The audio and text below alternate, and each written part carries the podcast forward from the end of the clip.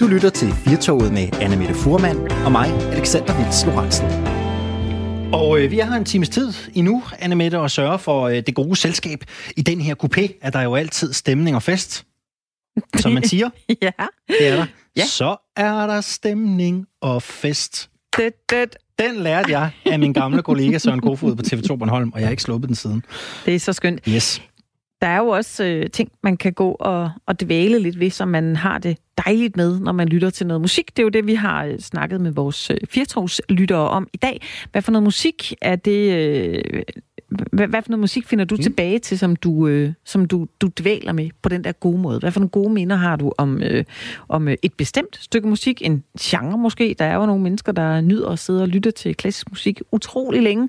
Så er der nogen, der lige hører tre minutter af et nummer med øh, Spandau Ballet, og så er de helt opringe. Ja. Vi havde en øh, lytter før, der nævnte Depeche Mode. Det ved jeg, det er der mange, som, Ja. øh, som dyrker rigtig meget. Det var du selv lidt på, måske? Jeg synes, de er gode. Jeg Ja. synes virkelig, at de kan noget. Ja. Og det er både det, øh, det nyere og det lidt ældre. Ja. Så fik vi en øh, sms fra Pernille, som skriver, at hun var til symfonisk heavy metal. Den har jeg nok lige til gode at øh, sådan, øh, tjekke ud, hvad det er for noget. Nævner hun titel? Øh, nu skal jeg lige se, hvad der står her. Mm, Enigma, Beyond the Invisible. Men det er... Two Steps kor. from Hell, skriver hun her også.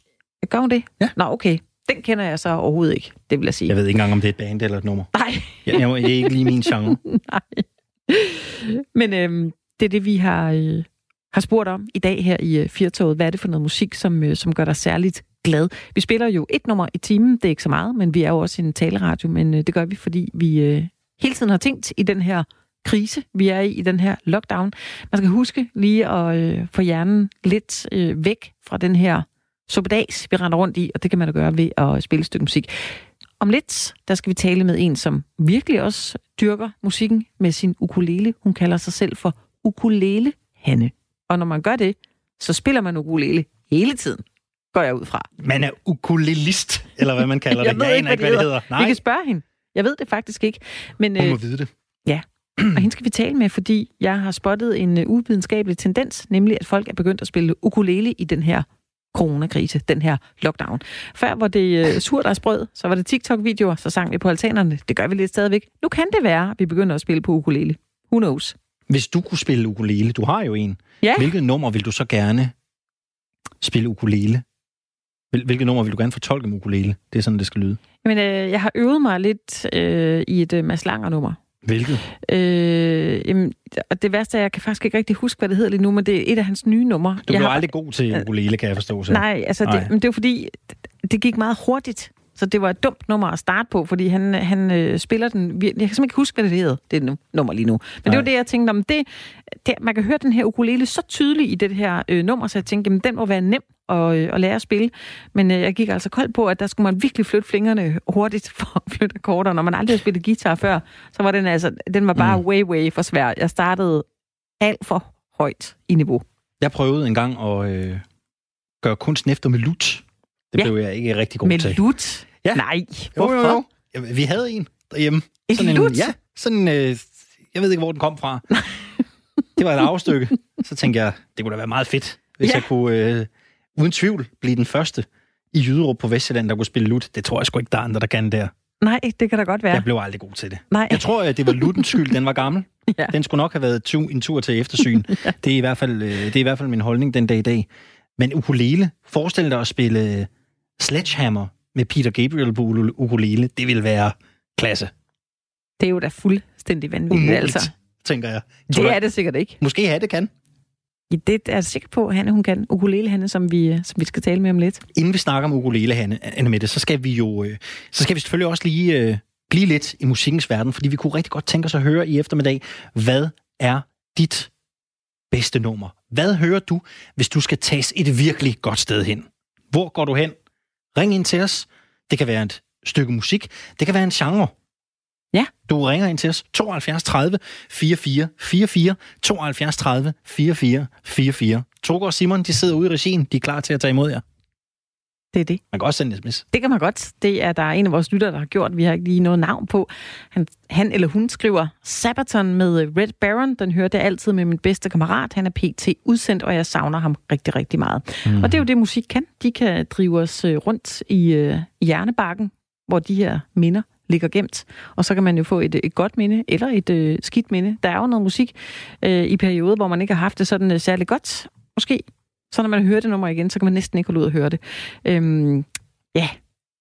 Jeg ved ikke, om du øh, knytter musik på den måde. Jo, altså jeg har, også, øh, jeg har da også øh, mine passioner. Men øh, vi har fået en sms mere her. Jeg kan ikke få nok af de vejen med Shout It Out. Ja. Jeg, jeg aner ikke, hvem, øh, hvem det er. Jeg ved det simpelthen ikke. Gør du det? jeg kiggede over på dig og tænkte, det er sådan noget, du ved. Nej, det ved jeg simpelthen Du er jo mit, øh, når vi kommer... Ja. Øh, når vi kommer lidt længere tilbage i tiden end 1990, så ja, er, er du rigtigt. jo mit, uh, mit go-to. Ja. Uh, så er du jo mit go-to-menneske. Det er det. Så tænker jeg, du må vide alt, hvad der er værd, hvad der er værd, og hvad der er værd at vide. Alexander, om øh, lidt skal vi tale med, øh, med Hanne, som kalder sig Ukulele Hanne. Og jeg tænkte på, altså hun har spillet et, øh, et nummer på sin ukulele med øh, Suspekt. Ja. Jeg tænkte, om det øh, er ved at være tid til, at vi lige skal høre det, inden vi taler med Hanne, fordi jeg kunne nemlig godt tænke mig at spørge, hvorfor i alverden vælger man et øh, suspektnummer som det her og spiller på ukulele? Jamen lad os da, lad os da prøve, lad os da prøve at give det et, øh, et lyt, Annemette, så kan ja. folk også få en idé om, hvordan sådan en ukulele den egentlig, den egentlig lyder.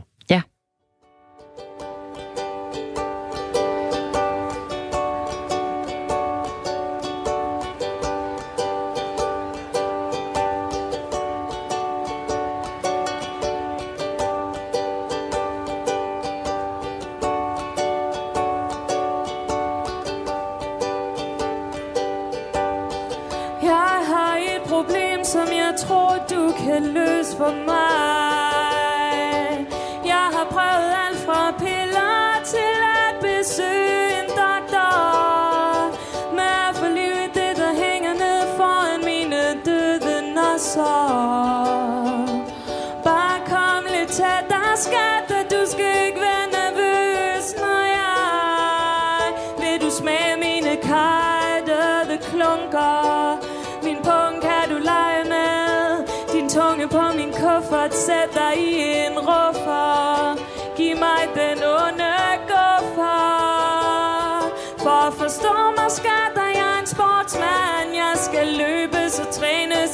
trænes for jeg er for hårdt jern.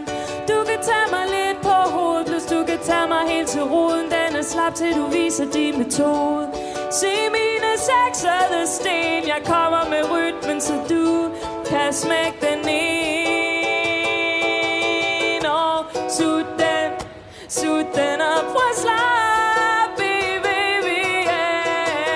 Sut den, sut den op fra slag.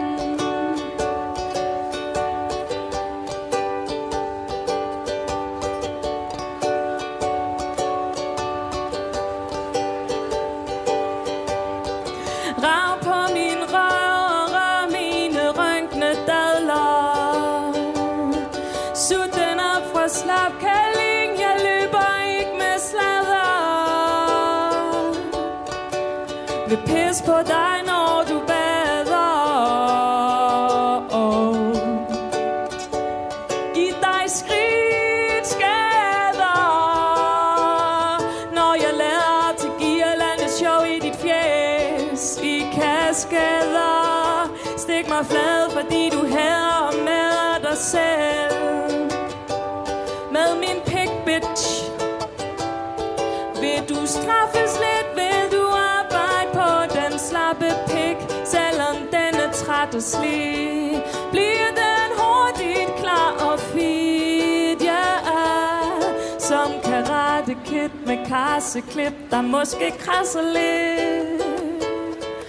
Du skal bare starte med At haps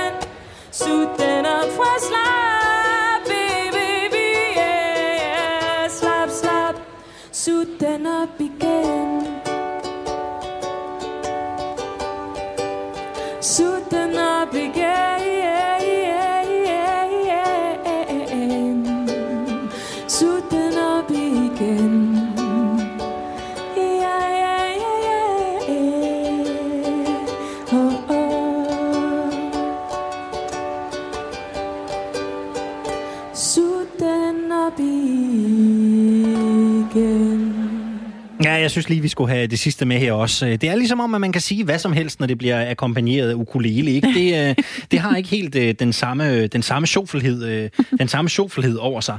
Nej. Alting bliver lidt mere, lidt mere sobert. Det her, det var et, et klip, vi venligst havde lånt fra, fra YouTube, skal vi naturligvis sige, for god øh, ordens skyld. Øh, Hans egen profil. Nu er hun med. Ukulele, Hanne. Velkommen til. Ja, tak. Hej. Hvor var det fantastisk at se en øh, kvinde sidde i øh, lang rød kjole og spille ukulele og synge, øh, og synge det her nummer. Det var, øh, det var en fornøjelse. Så er det dejligt at høre, tak. det var så lidt. Hanne, lad os lige starte øh, med at høre, hvad, øh, hvad er det for et, øh, hvad er det for et, lys, de her ukulele medhoppere, som Anne Mette har spottet øh, ude i den store verden, hvad er det for et lys, de endelig har set? Øh, jeg tror, at det simpelthen kommer sig at, øh, at øh, ukulelen er sådan et dejligt overskueligt instrument. Og så har det den der lidt lette, lidt øh, lyse øh, energi omkring sig, som gør, at, øh, at, at man bliver glad af at høre på det. Kan alle blive gode til at spille ukulele? Ja, det vil jeg sige, men det er jo en, øh, en, en, en lang diskussion om, om alle er gode til at spille øh, musik. Men, øh, men altså, jeg vil sige, at øh, hvis man øver sig, så er det et dejligt instrument at starte på. Også små børn kan ligesom lettere håndtere en ukulele end for eksempel guitar eller måske et stort klaver. Men Hanne, nu er du jo blevet kendt på, øh, på man, kan vel, man kan vel godt sige, at du er et brand, når du kalder dig selv for ukulele, Hanne, og det er også det, du så ligesom ja. bliver, bliver hyret ud til. Øh, hvornår begyndte du at spille på ukulele, og hvorfor er du ligesom øh, blevet ved det instrument? Øh, jeg begyndte omkring 2007-2008 faktisk. Det var en udfordring, jeg fik fra to øh, med. Jeg, jeg spillede øh, musik med to andre kvinder, Øh, så, så, så som udgangspunkt var det faktisk en, haha, du skal spille på noget sjovt. Øh, og så blev jeg simpelthen grebet af det. Øh, og for mig har det været at finde et instrument, hvor der ikke ligesom har været øh, så mange forventninger til, hvordan det skal lyde. Øh, så, øh, fordi der stadigvæk er sådan lidt kitsch over instrumentet, så har det på en eller anden måde været lidt mere åbent for mig at gå i gang med at spille på. Øh, og så er, der, så er jeg bare blevet bidt af det, simpelthen. Hanne, hvilket, øh, hvilket nummer kan du bedst lide at fremføre for, på ukulele? Du må have et, du må have et svendestykke, et, øh, et, et særligt hit, du, du er glad for at, at spille. Ja. Det, jeg, jeg har lavet en version af Per Vers øh, Mega Penis, som jeg er rigtig glad for at spille. Faktisk, det er blevet et rigtig godt nummer. Ja. Jeg spiller øh, sammen med en, øh, en anden ukulist, der spiller på, øh, på ukulele bass. Og hun, øh, hun er også virkelig vild med det nummer. Jeg ved ikke, hvorfor der er et eller andet, der var sammen der. Mega ja. øh, Hanne, nu øh, nævnte vi lige før, at jeg havde set fire øh, forskellige mennesker, der havde erhvervet sig en ukulele. De havde taget billede af sig selv med denne ukulele, lagt det på Instagram. Jeg fandt det i går. Ja. Derfor siger jeg helt uvidenskabeligt, nu er der en tendens, folk skal lære at spille på den her øh, ukulele. Kan du, øh, ja. kan du bekræfte det? Har du også set flere og flere, som, øh, som øh, fatter interesse for, for det her lille instrument? Ja, altså det har jeg. Jeg ved ikke, om jeg vil sige øh, sådan i mit eget virke, men jeg, jeg arbejder også ved siden af i det, der hedder Mikkels Musikskole, og der har vi faktisk talt op, at vi har dobbelt så mange øh, ukulelespillere til musikskolen på landsplan, som vi havde bare for et år siden. Øh, så der er ligesom en, en ret kraftig udvikling der. Hvis øh, man nu skal lære at spille ukulele, lad os sige, øh, at jeg skulle være så heldig at få fat i det her guddommelige instrument. Hvordan kommer jeg lettest i gang? Hvad, hvad, hvad skal jeg give mig i kast med, Hanne? Hvordan, øh, hvordan kommer man bedst fra start? Hvad skal man kaste sig over for, for nogle øvelser? Øh, jeg synes personligt, at først så skal du lære at stemme den. Det må ligesom være grund. Giver mening. Øh, ja, og så øh, vil jeg vælge et, et eller to numre, som har kun to akkorder. Øh, og dem er der simpelthen øh, et hav af. Man kan bare øh, øh, søge på internettet og søge øh, ukulele chords øh, to chords eller sådan noget. Så, øh, så dukker de op. Fordi så, så, så har man noget ligesom at starte med og, og også blive god til. Jeg, jeg er ikke så stor fan af at sidde og jo skalaer fra starten. Men øh, det, der er sikkert forskellige holdninger til det. Hanne, jeg øh, købte også en ukulele for et stykke tid siden. Det er det vil ja. være et års tid siden nu, fordi jeg tænkte nu, jeg, jeg skal lære at spille på, på guitar, og det kunne jeg ikke overskue, så kunne jeg vel overskue en ukulele. Jeg kastede mig så ud i Mads Langer nummeret, der hedder Eyes Closed, fordi jeg synes, det lød da simpelthen så øh, fint, og det lød da ikke så svært. Det knækkede jeg altså nakken lidt på. Hvor, hvor, øh, hvor, hvor svært er det for en nybegynder at kaste sig ud i det nummer? Øh, det kender jeg faktisk ikke så godt, pinligt nok. Skal, ja. vi prøve, skal vi prøve at høre lidt af det? Så ja. kan du måske vurdere ja, det. Det ved jeg ikke, Hanne. Vil, vil du jo, kunne det? Jeg gør lige det. Spil lige en... Ja, øh, lidt lad os, lad os nu lytter du efter, Hanne. At, at spille en, en, en, en, lad os lige prøve at spille en snas her, og se, ja. om, om det kan gøre os en, en lille smule klogere.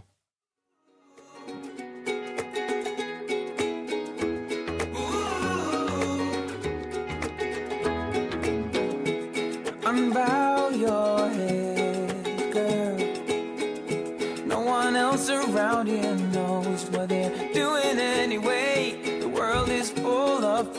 pretenders.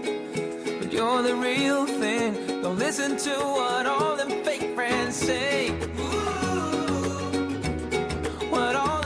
Jeg kan lige forestille mig uh, Anne Mettes hurtige fingre danse hen over ukulelen der. Uh, Hanne, Hanne hvad, hvad, hvad, hvad siger du? Hvad, hvad er det her for et begynderprojekt? Altså, jeg vil sige, at umiddelbart så lyder det faktisk ikke sådan... Det lyder ikke så sådan ring, altså, akkordmæssigt svært.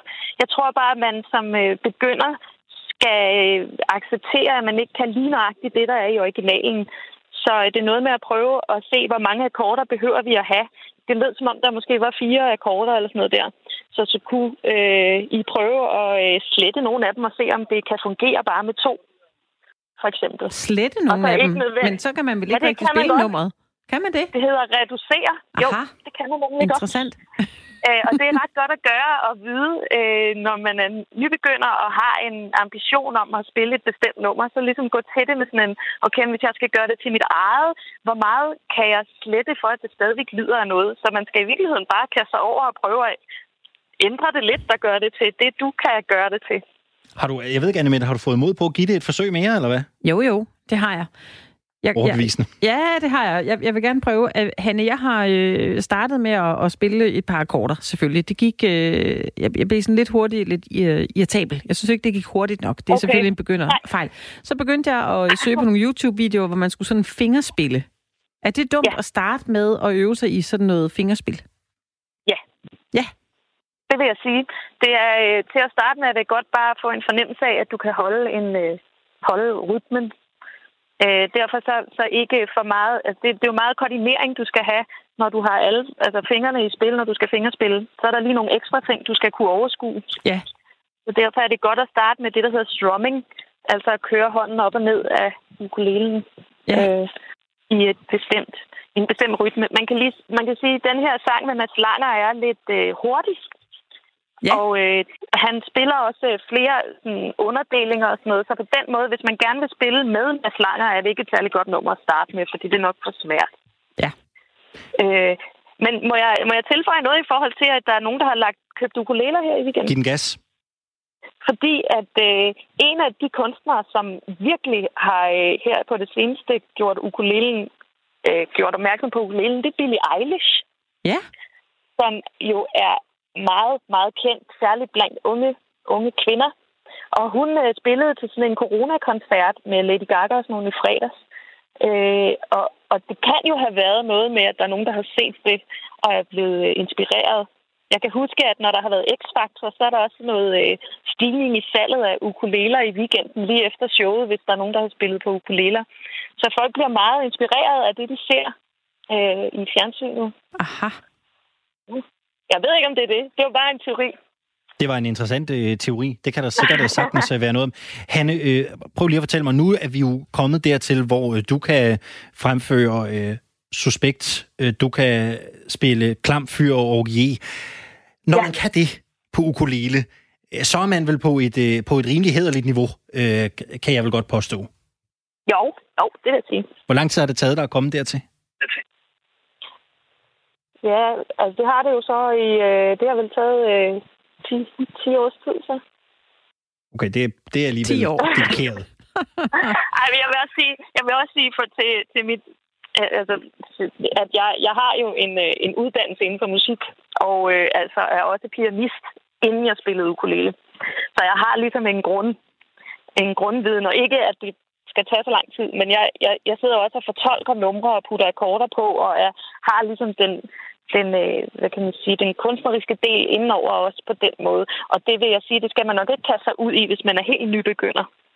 Du, øh, du ved jo en del om det her instrument også. Hvis vi sådan skal have den historiske hat på, hvordan er, er ukulelen så egentlig endt i Danmark? Ja, altså det, der, der må jeg være der svar skyldig. Jeg ved, at ukulelen kom til Hawaii fra Portugal i, sådan noget, øh, i 1800-tallet øh, med immigranter. Det er en, en instrument fra Portugal, som så er blevet udviklet i, på Hawaii, og det er det, man ligesom kender det fra. Mm-hmm. Og så er det så derfra ligesom øh, vokset højst sandsynligt også med immigranter øh, og folk, der har taget det med videre. Så hvordan det er kommet til Danmark, der er jeg, det, det, det ved jeg ikke. Det vigtigste er, at den er kommet, kan man sige. Ja, præcis. Og jeg vil faktisk sige, at Danmark er lidt bagud i forhold til øh, instrumentet. Det er meget svært, at, hvis man gerne vil købe sådan nogle lidt bedre instrumenter, så er det ikke så er det ikke mange steder i Danmark, man kan få fingre i det faktisk. Hvad, hvad, hvis man skal have en, en ukulele, altså hvad, hvad koster sådan en? Hvad, hvad skal man investere i? Øh, ja, det, det er et rigtig godt spørgsmål, for der er jo nogen, der er meget, meget, meget billige. Øh, og det vil jeg sige, det skal man ikke gøre. Lad være at købe til 60 kroner eller 100 kroner eller sådan noget.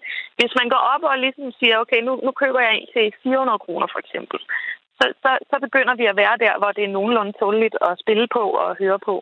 Øh, og så der, derop efter. Vil jeg sige, jeg har et til 6.500. Det er det dyre, den dyreste ukulele, jeg har. Men du kan få ukuleler helt op. Altså, de kan blive meget, meget dyre.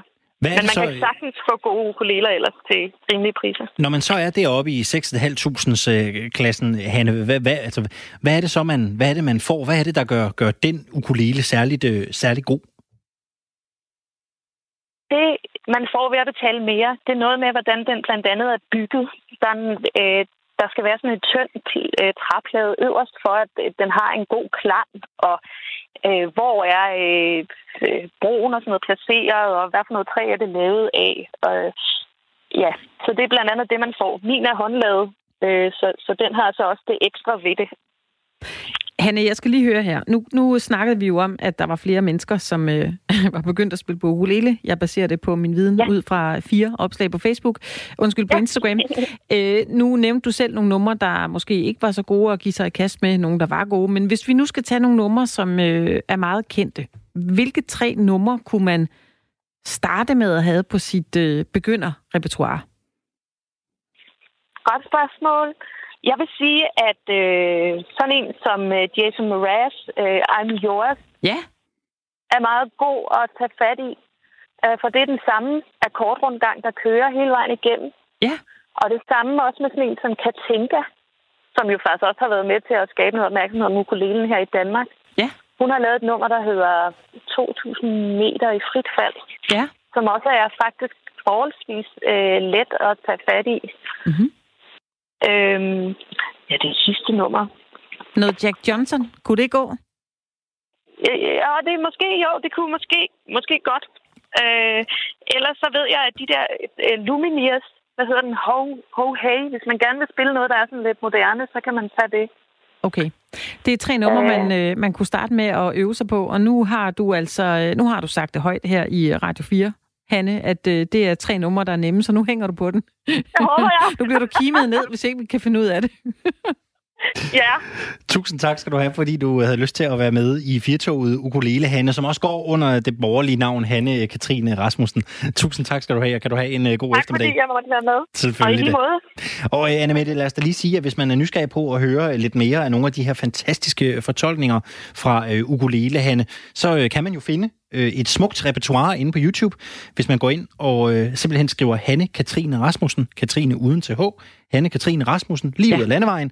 Det er nemlig det borgerlige navn. Så kan man se en, en masse rigtig, rigtig fine videoer der. Og lad os blive lidt ved musikken, øh, Anne Mette, fordi vi taler jo om øh, musik, der får os gode steder hen her ja. til eftermiddag. Musik, som kan et eller andet. Det vil vi rigtig gerne høre om. Hvad er dit favorit stykke musik? Har du en særlig genre, som du altid tyr til, når du er i godt humør, så er du altså velkommen til at byde ind her på Firtoget. Du ringer til os på 72 30 44 44, 72 30 44 44. Man kan jo også, øh, Annemette, sende os en sms. Det kan man. Det er R4, og så skriver du din besked, og den sender du afsted til 1424. Det har Inger gjort. Hun har skrevet alt musik med Amy Winehouse. Det er himmelsk. Det er fantastisk. Vi har hende jo desværre ikke i blandt os mere, mm. Amy Winehouse. Men øh, det er rigtigt. Jeg synes også, det er noget dejligt musik, Inger. Det giver dig fuldstændig ret i. Kan vide, hvor øh, Inger kommer hen i den her coronakrise med Amy Winehouse. Er det ikke skønt? Man kan sætte sig ned og lytte til en helt plade, hvis man hed Inger, og har sendt os en sms og sagde alt med Amy Winehouse. Jo, er himmelsk. Dejligt, dejligt. Bare byd ind med det bedste, I har. 72 30 44 44. Du lytter til Radio 4. Og nu øh, til øh, det, som vi jo alle sammen går og øh, taler om i de her tider, nemlig øh, coronaen. Og vi skal en tur over sundet for en ny matematisk beregning fra Folkhälsomyndigheten, det er Sveriges Sundhedsstyrelse, viser, at den 1. maj vil en tredjedel af indbyggerne i Stockholmsområdet være smittet med covid-19. Er svenskerne i gang med at opnå flokimmunitet i hastigt tempo? Ja, tiden vil vise, om deres strategi med at have få restriktioner bliver succes eller fiasko. Vores reporter Simon Schmidt snakkede med professor i biologi og immunologi ved Aarhus Universitet, Søren Ries Paludan, hvor han spurgte ham, hvad han mente om udmeldingerne fra Sverige om, at en tredjedel af indbyggerne i Stockholmsområdet vil være smittet med covid-19 den 1. maj. Jamen, hvis det er korrekt, øh, og øh, der ikke er flere, der er blevet syge, end der er, så er det naturligvis øh, meget positivt, fordi så er vi stille og roligt på vej mod flokimmunitet i Sverige. Dog så er det beregninger, det er ikke baseret på data. Ja, fordi altså, kan, kan vi stole på den her sådan, modelberegning? Alene kan det ikke stå, men altså, det er baseret på nogle tal, man har sådan sige, smidt ind i nogle matematiske formler. Så øh, det er ikke helt sådan sige, gyngende grund, men det er beregninger. Det er meget vigtigt at, øh, at sige. Så øh, man kan godt stå lidt på det, der ligger noget i det, men det er ikke en endegyldig sandhed. Altså, der er jo stadig meget, som vi ikke sådan ved om uh, covid-19, og vi ved vel heller ikke, om det virker med en strategi som flokimmunitet. Øhm, men hvilke fordele er der ved, ved Sveriges uh, strategi? Jamen, den fordel, der er ved Sveriges strategi, hvis at flokimmunitet ellers viser sig at kunne beskytte, det er jo, at så kan man sige, så man siger, raser, om du vil, øh, epidemien hurtigere gennem befolkningen, og så når, opnår man hurtigere flokimmunitet. Det er fordelen. Ulempen er selvfølgelig, hvis at sundhedssystemerne har svært ved at følge med, så kan det give en overbelastning, som kan give en overdødelighed. Ja, fordi, øh, hvad, altså, hvad, hvad synes du om den måde, de, de griber det an på? Jamen, jeg synes faktisk, det er meget svært at sige i, endnu. Altså, den endelige dom, hvis man må sige sådan, skal jo nok fældes, når at vi er over epidemien, og så får man se, hvem der de hurtigere, hurtigst med sige, mindst muligt tab kommer tilbage til normaltilstanden. Så det er svært at sige, men hvad man kan se indtil videre, er, at de har været meget tæt, faretruende tæt på at være øh, ved deres makskapacitet på sundhedssystemet. Så jeg tror, at de er blevet lidt overrasket over, sige, hvor hurtigt epidemien er, er sige, øh, etableret i samfundet i Sverige. Men altså, bare lige sådan, tror du, at, at strategien om flokimmunitet er noget, som er værd at bestræbe efter? Altså både ja og nej. Altså, altså ja, det vil være godt at få, men det skal foregå på en måde, hvor sundhedssystemet øh, kan være med. Man kan nok sige, at flokimmunitet, det vil blive etableret før eller siden, øh, hvorimod en vaccine, det ved vi ikke, om kommer. Vi håber det, men vi ved vi ikke. Vi ikke. Så der er noget sige, klogt i det, men det skal foregå i en hastighed, så sundhedssystemet kan følge med. Øh, er der noget, som, som du mener, sådan, at vi, vi måske på sigt kan, kan, altså, kan lære af den måde, som Sverige takler covid-19? Ja, så man kan sige, at tak med, at vi åbner op, så ender vi jo egentlig på et stadium, hvor at vi har ligesom været åbent, som vi har set svenskerne have indtil videre. Så der kan vi jo nok skile over og sige, hvordan håndterer de et delvis åbent samfund. Så, så der vil være ting, jeg kan ikke sige noget konkret endnu, men der vil det være nogle ting, hvor vi kan se, hvordan har de håndteret de, de samme situationer.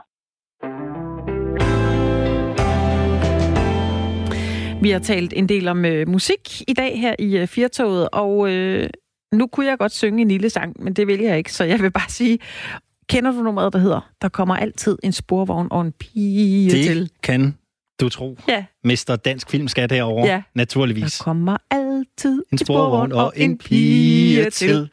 Og så har Nemlig. vi noget græsstrå i mundvin og ja, ja. solskin, og så lige en, en sving om. Som ja. det jo bør være. Det er rigtigt. Øh, der er øh, i dag faktisk i 1972, der var det øh, straks værre med øh, solskin og de helt store smil, fordi i øh, 1972, der øh, kørte den sidste sporvogn i remisen for aller sidste gang i København. Det var i dag, den 22. april. Det var linje 5. Ja, det var linje 5, lige præcis. Ja.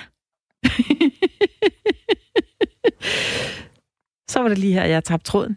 Jamen, det skal du ikke, øh, det skal du ikke være ked af, fordi øh, det er rigtigt. En, øh, en, en æra er øh, en æra var slut på den her dato i 1972. Ja. I remisen, der kørte linje 5 i øh, København, og så var det altså slut med øh, sporvognen i hovedstaden, og øh, et nyt kapitel i dansk transporthistorie blev øh, skrevet. Ja. Sporvognen, den er savnet af mange, og særligt af museumslederen ved Sporvejsmuseet Skjoldnæsholm. Han hedder Michael Lund. Annemette, du talte jo med ham tidligere. Ja, det gjorde jeg, og øh, jeg var lidt interesseret i at, at høre ham også. Altså, hvorfor sporvognen er, er interessant, og hvorfor det er, at man går øh, så helt vildt meget op i det.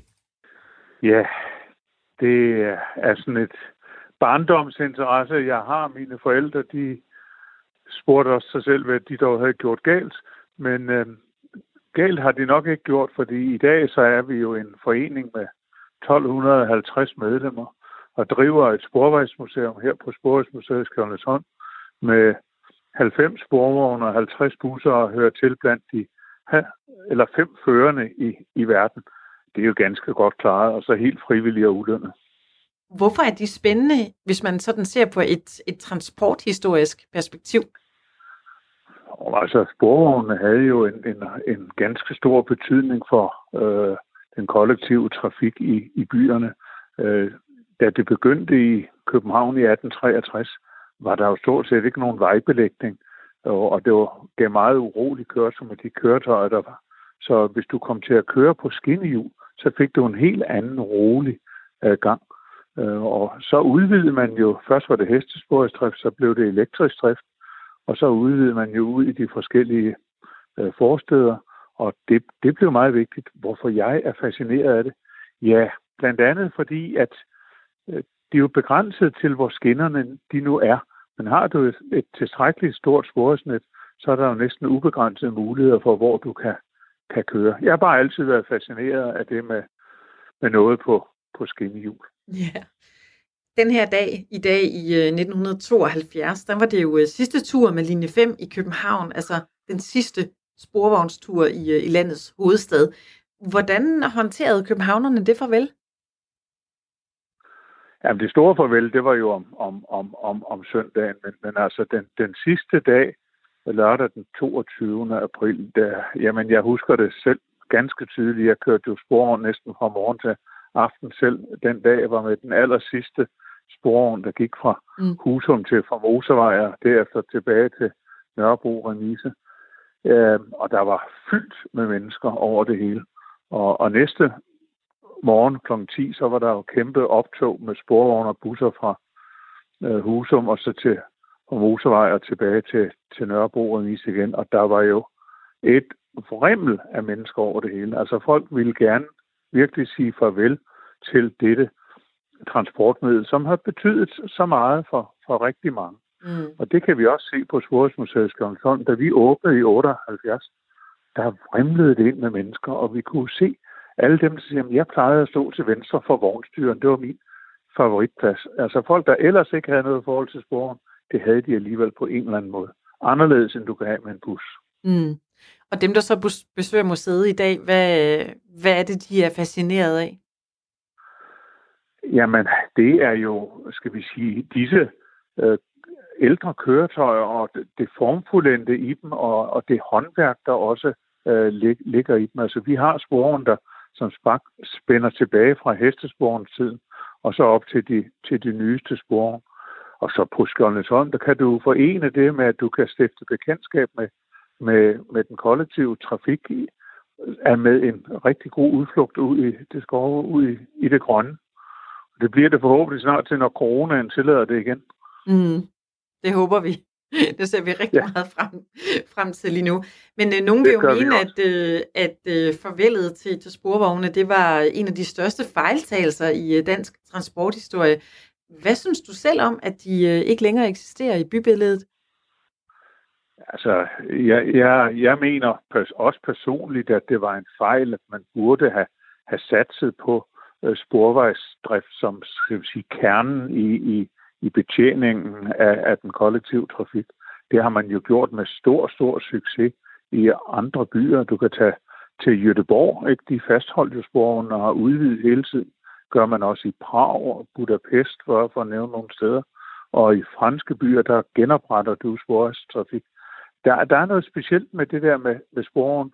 Du, det er lydløst, og du kommer hurtigt igennem, og stor komfort, det får du ikke med en bus, for du bliver sådan, selvom en moderne bus, der har god komfort, men den skal ind og ud fra stopstederne, og så slænger den frem og tilbage.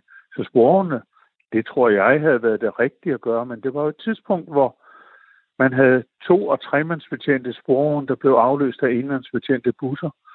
Tiden den var øh, desværre i København til at overgå til, til, til busdrift. Men øh, i dag tror jeg, der er, der er mange, der har fortrudt det. Frederiksberg, tidligere borgmester John Winter, der døde for et par år siden, han har efterfølgende sagt, det var en af de mest forkerte beslutninger, han havde været med til at træffe, nemlig at, at indstille sporvejsdriften. Mm. Vi har jo øh, letbanen i Aarhus i dag, og der er ja. en på vej i øh, Odense og i København. Tror du, man ville kunne ja. forestille sig, øh, at sporvognene fik et comeback? Absolut. Altså, en letbane, det er jo bare et moderne udtryk for en sporvogn. Øh, det er det, og det er jo blevet en stor succes i Aarhus. Nu kan man selvfølgelig i de her coronatider, kan du ikke regne med noget som helst, men de var virkelig få Indtil for to måneder siden var de ved at få opbygget et rigtig, rigtig godt passagerunderlag i, i Aarhus. Og jeg er sikker på, at det kommer de også til i Odense. De har netop lavet deres første testkørsler i går, og de har et rigtig, rigtig godt net, og har jo også sat af til to afgreninger, så man kan udvide. København er lidt mere træge. Der er lidt for stor modvilje. Man vil helst have metro alle mulige steder, men en metro koster altså 10 gange så meget som en, en sporvej at anlægge. Øh, så jeg tror på, at den øh, letbanelinje, øh, der, der kommer fra Ishøj til, til, til Lyngby af, af ring, ring 3, den skal nok blive en stor succes, og den skal nok også blive ført ind til i hvert fald Nørrebro øh, stationer, og også ind af Frederikssundsvej. Så jo, jeg tror på, at det, det, det kommer, fordi eksemplerne fra udlandet viser, at folk vil gerne skifte til letbane moderne spor, mm. hvis alternativet er rigtig godt til privatbilen. Ja. Nogle af de gamle sporvogne, der kørte i øh, København, måske på, øh, på linje 5, de blev sendt videre ud i verden, hvor de har gjort øh, tjeneste øh, i mange år. Ved vi noget om, hvorvidt nogle af de gamle vogne stadig er i, øh, i drift ude i verden? Ja, altså da de moderne ledvogne i København, såkaldt og Düsseldorf, blev taget ud af drift i, i 72. Øh, den sidste leverede af dem var leveret i marts 68 og holdt kun i, i fire år. De røg så til Alexandria i Ægypten, og øh, der kører en stor del af dem endnu. Øh, vi fik taget to hjem fra Ægypten for knap 20 år siden, som er ved at blive sat i stand tilbage til, til fordomspragt i København. Men dernede er de rigtig, rigtig glade for dem. De har altså, skal vi sige, simplificeret førerpladsen, hvor der måske var 40 knapper i København, så har de seks knapper dernede. Mm. Øhm, og det er noget ramponeret, men de kører, og de flytter masser af mennesker, og de, de er glade for dem. Jeg synes, det er fantastisk. De har fået dem i 1969-70. Her 50 år senere, så kører de altså stadigvæk. Ja, ja det er imponerende. Det, vidner også om godt kom. Ja. ja. Michael, jeg, var, jeg er i Ægypten normalt sådan hver anden, tredje, fjerde år. Øh, netop fordi jeg synes, det er sjovt at følge med i, i deres liv i Alexandria. Ja, det må gøre sådan en mand som dig meget øh, nostalgisk. Ja, det gør det, men, men, men jeg har sagt samtidig også lidt pragmatisk omkring det. Ikke? Altså, det, det, det var ikke en beslutning, jeg var med til at træffe, at det skulle afskaffes. Jeg er så glad for, at jeg kan være med til at give sporen, øh, skal vi sige, det de fortjener øh, her på Sporvejsmuseet Skjoldnesholm, øh, nemlig at, at øh, man kan vise en masse glade gæster, hvordan det var med dette transportmiddel i både Aarhus, København og Odense, hvor vi er jo et nationalt sporvejsmuseum. Ja. Og nu er du jo øh, museumsleder ved øh, Sporvejsmuseet Skjoldnesholm.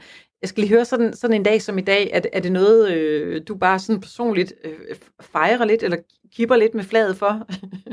sådan for øh, og, og til, til frokost, der sad vi faktisk og snakkede om, ikke vi burde have haft flaget på halv. Ja, Men det er det. det, det, det, det, det, det blev ved snakken. Altså, der er jo gået 48 år, man ja. har vendt sig til det. Øh, men men øh, min fascination af sporvogne, den er lige stor, og jeg tager ofte også på rejser til, til udlandet for at sætte mig ind i, hvordan man driver sporvejsdrift i andre byer med stor succes. Michael Lund, tusind tak, fordi du var med os her i Firtoget.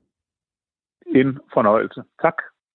Michael Lund, der er formand for øh, Sporvejshistorisk Selskab og museumsleder ved Sporvejsmuseet Skjoldnes Holm. Og det, som han var inde på, Alexander Michael Lund her, det var jo, at, at der også var noget nostalgi, når man træder ind i sådan en sporvogn. Der er noget, du ved, sådan en messingstang, man lige skal holde ved, og, og den der køreglæde, kunne jeg forestille mig, når man er entusiastisk omkring sporvognen i den her grad, at man, man nyder simpelthen hele oplevelsen, at det er, ja, et, trans, et, et transportmiddel, men det er også en, en, lille, en lille rejse, som man nyder undervejs. Men det er bare heller ikke det samme at gå ind i letbanen, vel? Det er ikke helt det samme. Nej, Man fornemmer også, at sporvognen var lidt mere driftspålidelige, måske. Ja, det de kan være. Det kan være. kan være i, ny og næ, ikke? Jeg Så synes- man ikke sagt for meget. når man sådan hører, hvad, hvad Michael Lund fortæller, så har man jo lyst til, at man går tilbage til sporvogne med, øh, på gammeldags manér med papbilletter, der lige får et klip, når man er inde, og så sidder man der i sit øh, fine tøj med en lille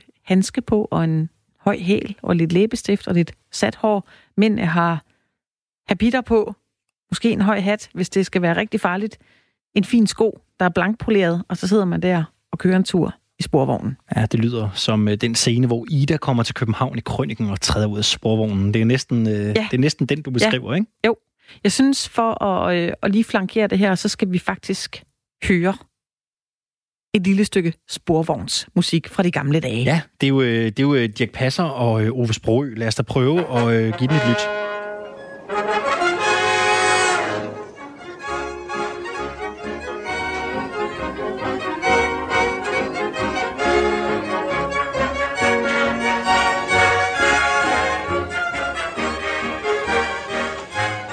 Uh, hvor er jeg træt.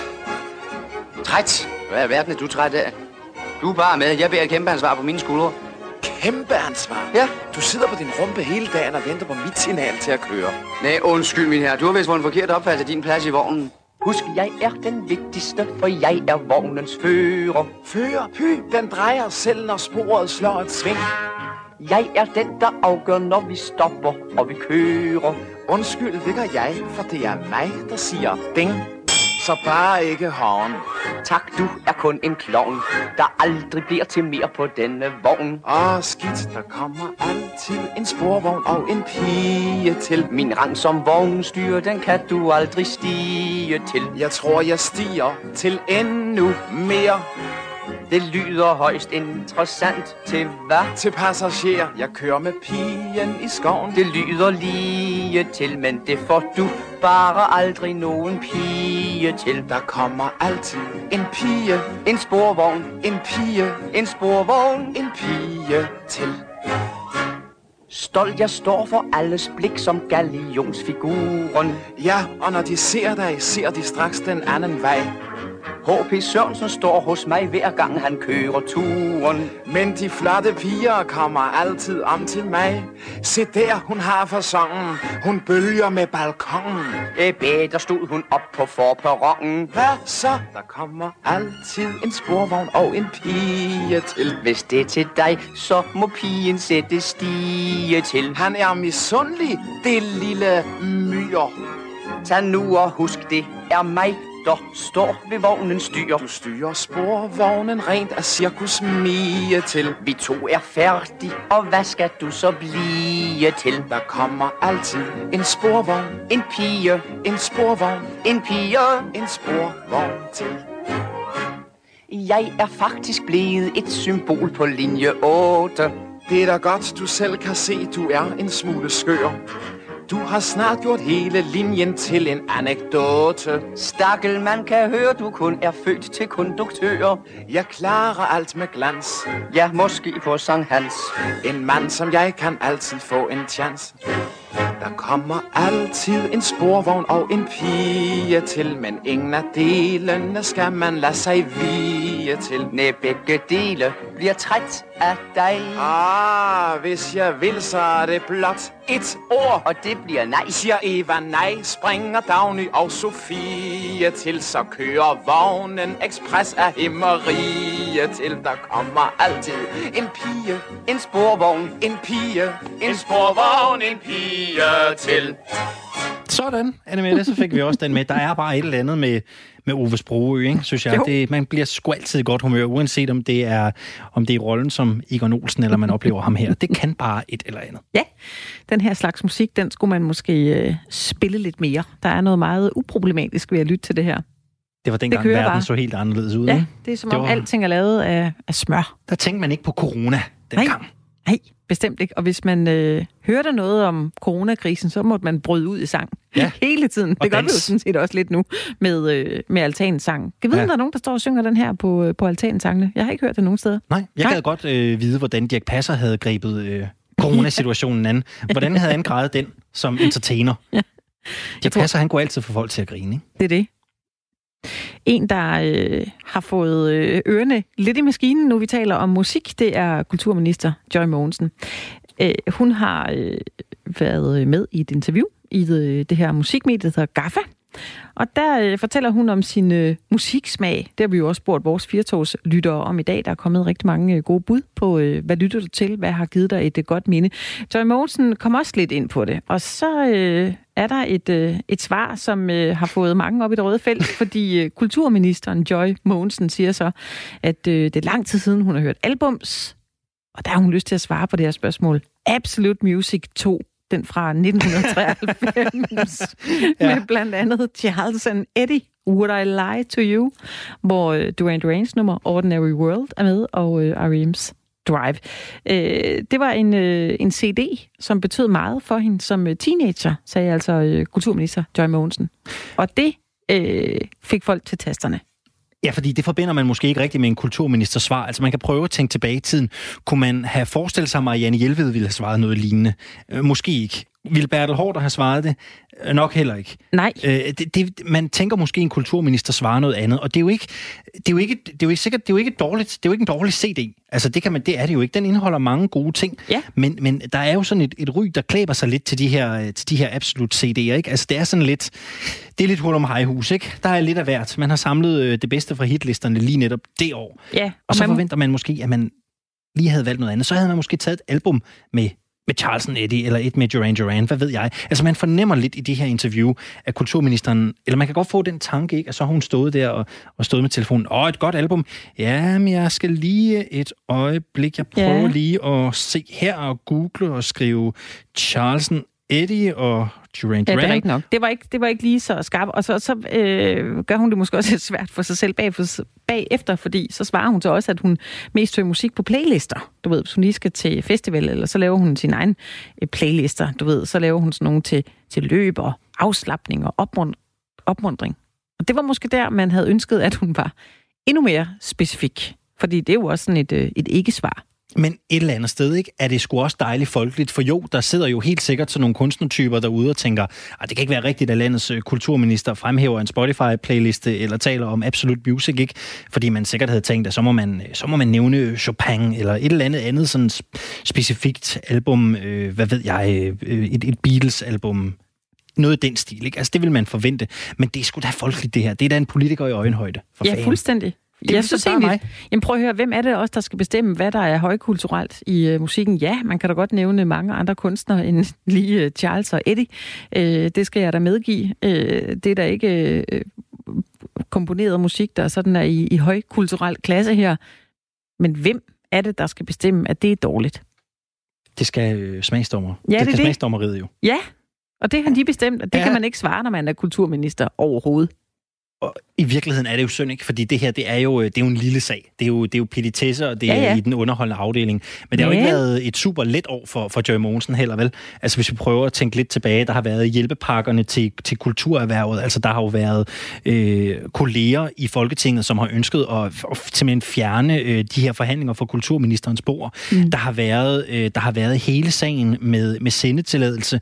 Der har været Radio 24-7 øh, kontra Loud, skrivebordstomaterne. Vi har været hele, hele vejen rundt. Ikke? Altså, det har godt nok ikke været et let år for øh, Joy Mogensen. Og så snubler hun lige i Absolute Music bananskralden her tæt på målstregen. Ikke? Der var faktisk en, øh, en reaktion på Twitter, der jo kom prompte efter Gaffa, de øh, lagde den her ud, som også skriver, det er tragikomisk, så kunne hun i det mindste have fundet på noget. Og det er jo så det, man så heller ville høre, at hun simpelthen skulle have forberedt sig på den måde, så øh, vælger hun et eller andet, og så lyder det rigtig fint mm. og kulturministeragtigt, at hun da selvfølgelig sidder og hører det hver aften med en kop økologisk te. Og jeg ved ikke, øh, hvordan det er, men det har jo tidligere været sådan i Kulturministeriet, der har man frabedt sig særlige rådgivere.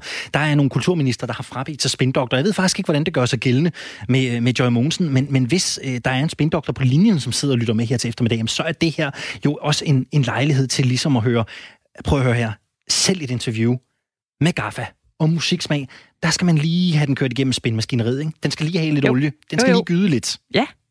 Der er intet, der er for småt til spindoktormaskineriet. Men det her, det, det, det er, altså skal jeg være helt ærlig, jeg, jeg synes jo, man skal vinde det til en sejr. Altså jeg synes sgu, jeg synes sgu da, det er fedt, der er en kulturminister, Hvad der tænker siger, du om det? Er du ligeglad? Synes Nej, du, det er okay? jeg synes sgu da, det er fedt. Jeg ville det synes, det var mere fake, at hun sagde, jeg kan godt lide Per Arnoldi. Ja. Det vil Per Arnoldi selv sige. Altså, det vil jeg synes var, det vil jeg synes var, var, var mere fake. Hvis man ikke kunne lide Per Arnoldi, altså. Så Ja. bare være ærlig. Det skulle da fint nok. Charles Nettie fejler der heller ikke noget. De Ja. er gode. What Og I lie to you? Og hvad så? Det holder. Selvom man er kulturminister, så kan det godt være, at man har øh, en smag i musik, som er anti-højkulturel. Jamen altså, det vil jeg ikke engang sige, det er. Det er da gode numre, der var på Absolute Music 2. Altså, jeg, nu ved jeg simpelthen ikke, altså, hvad der, jeg kan ikke huske den plade. Kan du huske den? Ja, ja, nej, ja, jeg kan ikke lige huske helt specifikt, men, men der var Hanne Bol med, Paul McCartney var der også med på den, og Peter Gabriel. Og der, øh, hvis man var Joy Mogensen, og man øh, kunne sige, at øh, altså, hvis hendes svar det skulle have været lidt mere øh, kulturelt, så kunne hun have nævnt Absolute Music 2. Altså den her, hvor Paul McCartney er med, og hvor Peter Gabriel er med. Jamen, der er jo ikke nogen numre Så- her, der er dårlige. Der er Nej. jo kun gode numre her. Hey, seriøst, lad os lige prøve. Gangway, Mountain Song, det holder 100% stadigvæk Ja. i dag. Gangway har fået et kæmpe revival, ikke? Jo. Dem er folk stadigvæk øh, vilde med. Lenny Kravitz, Are You Gonna Go My Way? Ja. Fantastisk nummer. Det er fedt. Øh, så er der jo, øh, hvad kan vi ellers se her? Paul McCartney.